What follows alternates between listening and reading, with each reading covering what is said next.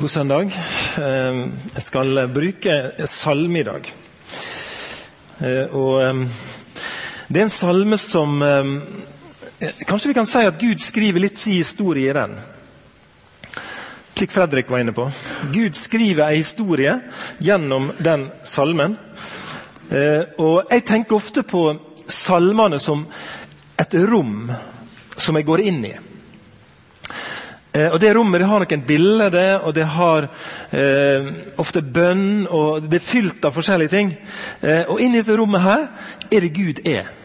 I Salme 65 er Gud inni dette rommet her som eh, den skapende og den frelsende Gud. Og Det er det vi skal dvele ved denne formiddagen her. Når jeg leser noen av versene, jeg leser fra vers 6 ut eh, Du bønnhører oss i rettferd med underfulle gjerninger. Du Gud som er vår frelser, ei livd for alle land på jord, ja, for havsens fjerne strender. Du reiste fjella med di kraft, batt styrkebelte om deg. Du døyvde opprørt hav, du stilte bølgene, ståket av folkeslaga, så de som bor ved verdens ende, laut reddast ved dine tegn. Du skapte jubel fra øst til vest. Du har gjesta jorda og gjeve henne regn, og du har gjort henne ovande rik. Guds bekk er full av vann. Du syter for at kornet veks. Såleis legg du alt til rettes. Du vatner førende, jamner veltene og bløyter opp jorda med regn. Du signer hennar grøde, og du kroner året med gode gåver. Det spirer og gror i dine hjulspor. Det spirer på de aude beitemarka. Kring haugene er det jubel. Markene er kledde med sauer, og dalene sveipte i korn. Og det lyder glederop og sang. For en tekst, tenker noen. Her var det mange vanskelige ord. Og her var det mye eh, lyriske betraktninger. Men dette er en utrolig flott salme. Og Vi skal bruke litt tid på noe, og rusle litt i den salmen. Eh, og stanse litt for Gud, som på en måte utfolder seg i denne salmen, og som utfolder seg i dette rommet. Som overskrift på den salmen her, så står det at eh, Gud gjester jorda. Altså Gud besøker jorda. Gud inntar jorda på sin måte. Eh, og Det er et spørsmål som jeg har stilt meg mange ganger. Og Når jeg leser denne salmen, så stiller jeg meg alltid det spørsmålet. Det er følgende når er Gud på sitt beste i denne salmen? Det er utrolig mye som var sagt om Gud. Spørsmålet er når var han på sitt beste, på sitt ypperste? Og Da må jeg legge til at det, eh, det er selvfølgelig ikke sånn at Gud er bedre og dårligere utover dagen eller andre perioder på dagen. Det er mer et pedagogisk spørsmål enn et teologisk spørsmål. Men når er han på sitt beste? Hvor er det på en måte Gud stiger fram og er størst i denne salmen. Vi skal dvele litt ved det. Var det som når vi las, er Gud på sitt beste når han bønnhøyrer oss eh, i sin rettferd med underfulle gjerninger? Jeg tror at mange av oss eh, noen ganger, eller kanskje på jamna, sliter med å oppleve det at Gud svarer på bønner. Alltid. Vi slåss med Gud. Vi slåss med de vanskelige spørsmålene, vi slåss med smerte. Og vi roper til Gud ofte, for vi syns ting er vanskelig. Og vi ber at Gud skal gripe inn. Og så skjer det at han gjør det innimellom. Ikke hver en eneste gang vi ber, men vi opplever det at Gud griper inn og svarer oss. Han som hører bønner, som det står i innledningen av salmen. Han svarer oss. Og vi kan oppleve at da er Gud på sitt beste på mange måter. Når vi opplever det at han beveger eh, noe i våre liv eller noe rundt oss. Gud hører bønner. Er han på sitt beste da? Eller er han på sitt beste når han reiser fjella med si kraft, som vi oss? Når han batt styrkebeltet om seg. Ser dere for dere vektløfterne hvordan de drar beltet, og så klapper de i kritten, og så tar de tak, og så, og så gir Gud på en måte det. Han bitter dette, eh, dette her styrkebeltet om seg. Og så reiser han fjella i si kraft. Jeg syns det er svære ting. Jeg. Eh, og bare røyse opp fjella nesten før lunsj, så tar han det. Sant? Og så tar vi noe et, annet etterpå. Sant? Altså, Jeg har ikke klart å røyse Damsgårdsfjellet om jeg hadde med meg hele slekta. Sant? Eh, og holdt på hele livet. Sant? Jeg har ikke klart å røyse Damsgårdsfjell engang. Og langt mindre Ulrikken eller andre fjell. Gud røyser fjella i si kraft, og han stiger fram som den veldige skaperen som han er. Han har makt til å gjøre det. Og så røyser de seg, både Sunnmørsfjella og andre fjell, i hans kraft. Eh, det og til vi spør hvor vi var når Oddvar Brå brakk staven. da. Og Nå er det jo snart VM i, på skien, og da blir det helt sikkert stilt det spørsmålet mange ganger. Eh, jeg tenker, Hvor var du hen når Mette-Marit eh, gifta seg? Husker du det?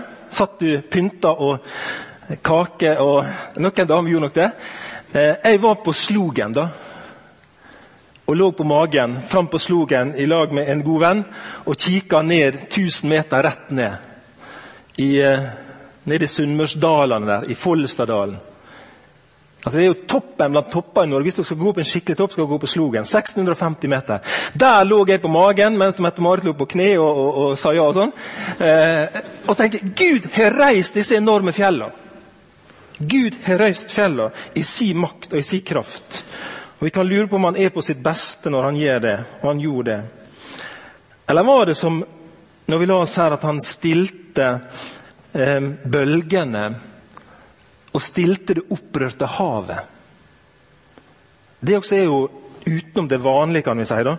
Eh, dette billedlige uttrykket, som også er et konkret uttrykk, da, men er Gud på sitt beste i våre liv? Og Kanskje er det sånn du opplevde at hav og bølgene gikk veldig i livet ditt. Det var smerte i livet ditt. Og så kommer Gud på en forunderlig måte, og så roer havet seg. Altså Gud har makt over bølgene til å legge havet ned når det er kaos i ditt liv. Så har han makt til det. Eh, og Vi leser bl.a. i Markus 4 eh, hvordan eh, disiplene var i båten en gang, og det blåste opp på Genesaretsjøen. Og bølgene holdt på å fylle båten, og de opplevde at vi går under. Hjelp! Vi går under. Og Jesus lå på ei pute bak i båten og sov.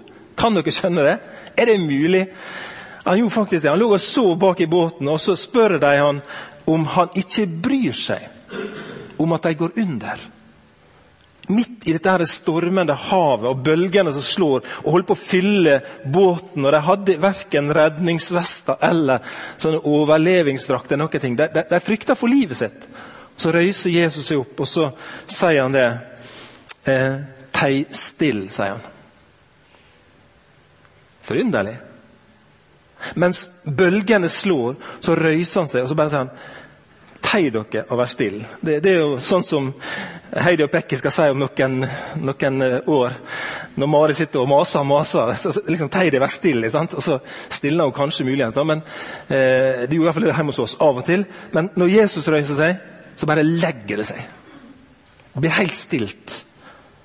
Og Sånn kan vi oppleve det, at Gud gjør noe i våre liv. Når det er storm der inne. Og når bølgene holder på å fylle båten vår, og vi auser og auser og kjenner at nesten krampa tar oss, og så kommer det en ny bølge, og så kan han legge vinden ned, og bårene legger seg. Gud er stor. Er han på sitt største? Er han på sitt beste? Eller var det når han gjesta jorda med regn og legger alt til rette? La dere merke til det? Han gjester jorda med regn og legger alt til rette.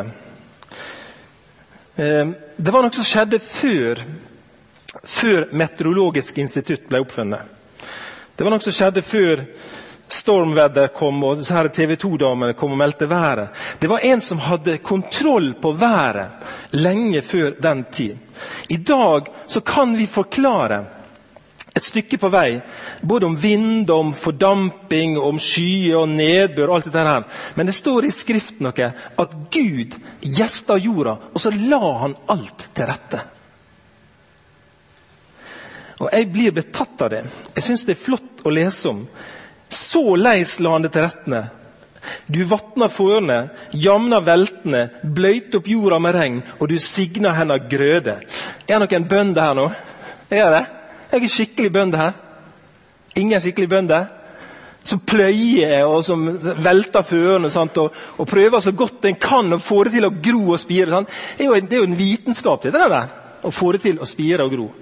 Uh, og noe sånn Vekselbruk blir det snakk om. Du kan ikke så det samme veldig lenge uh, over lang tid. Sant? Men så står det at det, Gud han la alt til rette på forhånd. Uh, og det er visstnok sånn at For ca. 150 år siden så var det en biolog og kjemiker som heter Justus von Liebig. Og hør da, Han fant opp det som blir kalt den minimumsbaserte gjødningsmetoden. Det har jeg lest om, da. Jeg, jeg har ikke tatt det. Jeg vet ikke om dere har hørt om det da. men han oppdaga at en plante trenger fire mineral for å vokse. Nitrogen, kalium, kalk og fosfor. Og Når jorda inneholdes tilstrekkelig av disse materialene, og i rett balanse der, da kommer veksten av seg sjøl. Og Det fant, en kar opp da, eller skjønte en kar for ca. 150 år siden. Og så, så bare lener jeg meg tilbake og tenker jeg, Gud, dette har du tenkt ut. Du gjesta jorda, og så la du til rette. Og så skapte du ikke bare jorda, men mineraler som er i den. Gud skaper, og han er god, men er han på sitt beste? Bøndene vil kanskje si ja, jeg vet ikke det. Eh, eller var det, som vi la oss på slutten her, da, når han kledde markene med sauer og sveipte dalene i korn? Det er jo flott sagt, da. Det er flott sagt. Kledde markene med sauer og sveipte dalene i korn. Den dagen Gud skapte dyra, da gjorde han en god jobb. Første Mosebok 1,24. Da sa Gud, jorda skal la alle slags levende skapninger gå fram. Fe, kryp, villdyr, hvert etter sitt slag. Og det vart så. Gud kledde markene med dyr. Gud skapte. Og Jeg tror nok det at det var spesielt når Gud skapte sauen. En tanke om det. Jeg tror at når Gud skapte sauen, så um, Kanskje han satte seg ned og tenkte litt. Fordi han visste det at sauen det var et bilde på hans sønn. Gud visste at en dag så skulle Jesus bli født, og en dag så skulle eh, døperen Johannes peke på han og si Se, der er Guds lam som bærer bort verdens synd. Og Kanskje var det litt spesielt for Gud å skape akkurat sauen. Gud som skaper. Det er noe stort over det. Og Jeg fryda meg veldig over å lese første Mosebok 1. Og jeg vet dere hadde det på ungdomsmøtet i går. Hadde ikke dere det? Preika Svein Erlend om første Mosebok 1 i går? Eller bomma jeg da? Han gjorde det, sant? Ja. Um, og da sa Gud i vers 11 Jorda skal la grønne vekster gro fram, planter som setter frø, og tre som bærer all slags frukt med frø i på jorda. Og jorda bar fram grønne vokster, planter som setter frø, hvert etter sitt slag, og tre som bærer frukt med frø i, hvert etter sitt slag. Og Gud så at det var godt. Det er én ting som jeg syns er utrolig flott med skapelsen. Og det er at Gud skaper tre, frukter, blomster med frø. Jeg syns det er så flott. Jeg kan, ikke, jeg, altså jeg, jeg kan hjelpe for det, men jeg, men syns det er veldig oppbyggelig å lese, rett og slett. Når Gud skapte noe, så skaper han det med frø i. Var ikke det lurt? Det er enkelte ganger vi kan være fornøyd med oss sjøl. Vi kan ha gjort et eller annet som vi syns er veldig greit. og Vi setter oss ned og så, og så sitter vi der og er litt fornøyd med oss sjøl. At jeg kom på dette, at jeg klarte det der.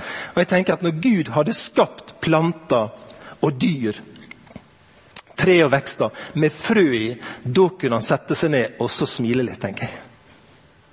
Det var jo så lurt. Å skape noe med evner til å reprodusere seg sjøl. Det er jo guddommelig, det er jo genialt. Altså, Gud skapte ikke blomster av tre som skulle stå der i 10-15-20 år, og så var det slutt. Men han skapte det med frø i. Og ikke bare at han skapte planter og tre og vekster, men han skapte mennesket med frø i.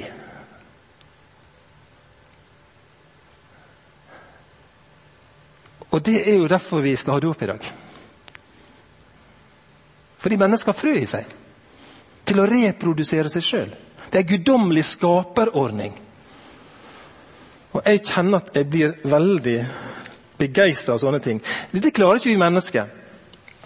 Vi klarer ikke å lage ting som har frø i, på en sånn måte at det kan reprodusere seg sjøl. Jeg bruker av og til å tulle med at om vi tar en liten rosa mobiltelefon og en litt større blå mobiltelefon og legger dem sammen i telefonkatalogen, så, så blir ikke det, det blir ikke noen flere mobiler av det. sant? Selv om vi kan skape ting som vi syns er veldig spennende, og teknologien er kommet veldig langt, så klarer ikke vi å gi noe som reproduserer seg sjøl. Men slik er Gud.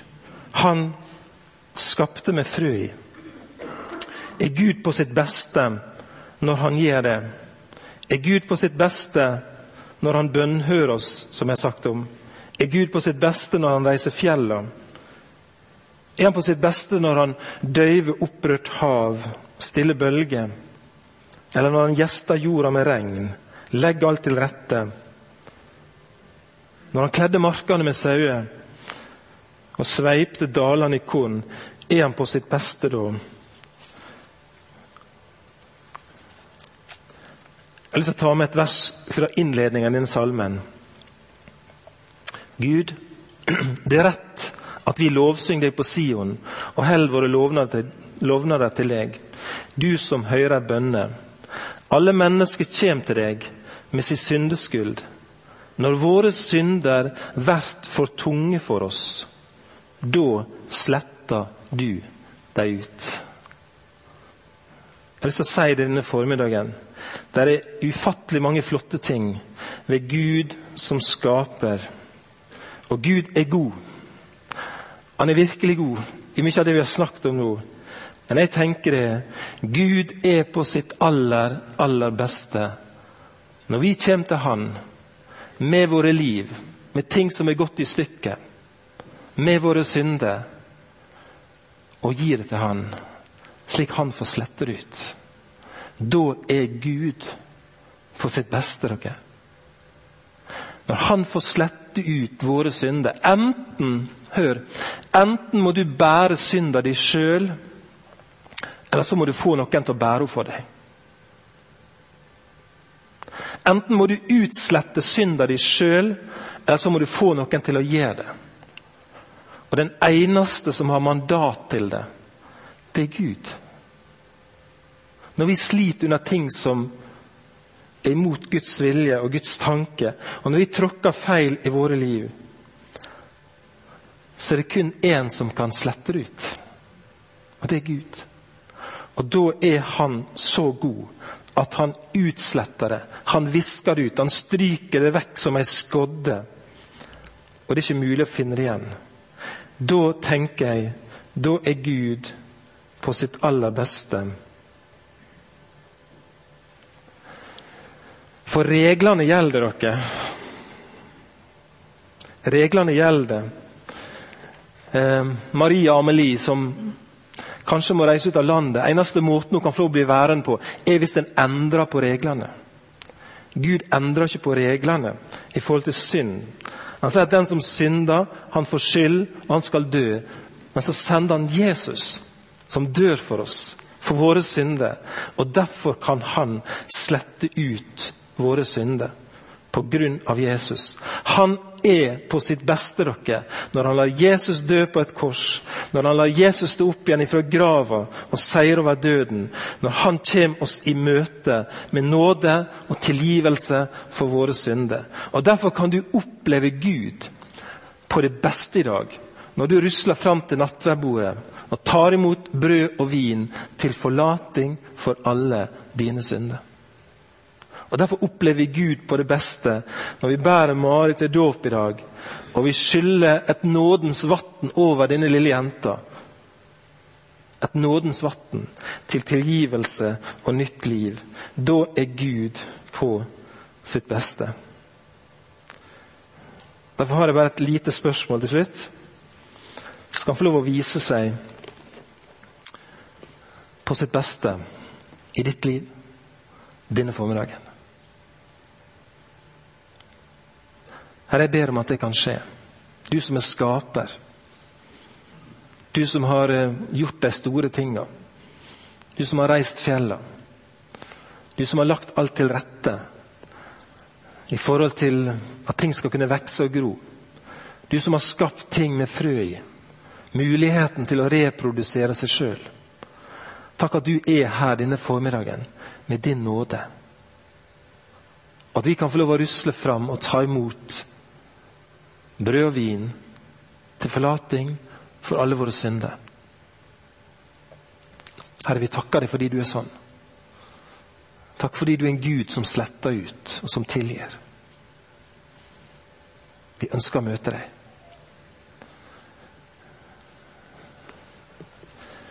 Amen.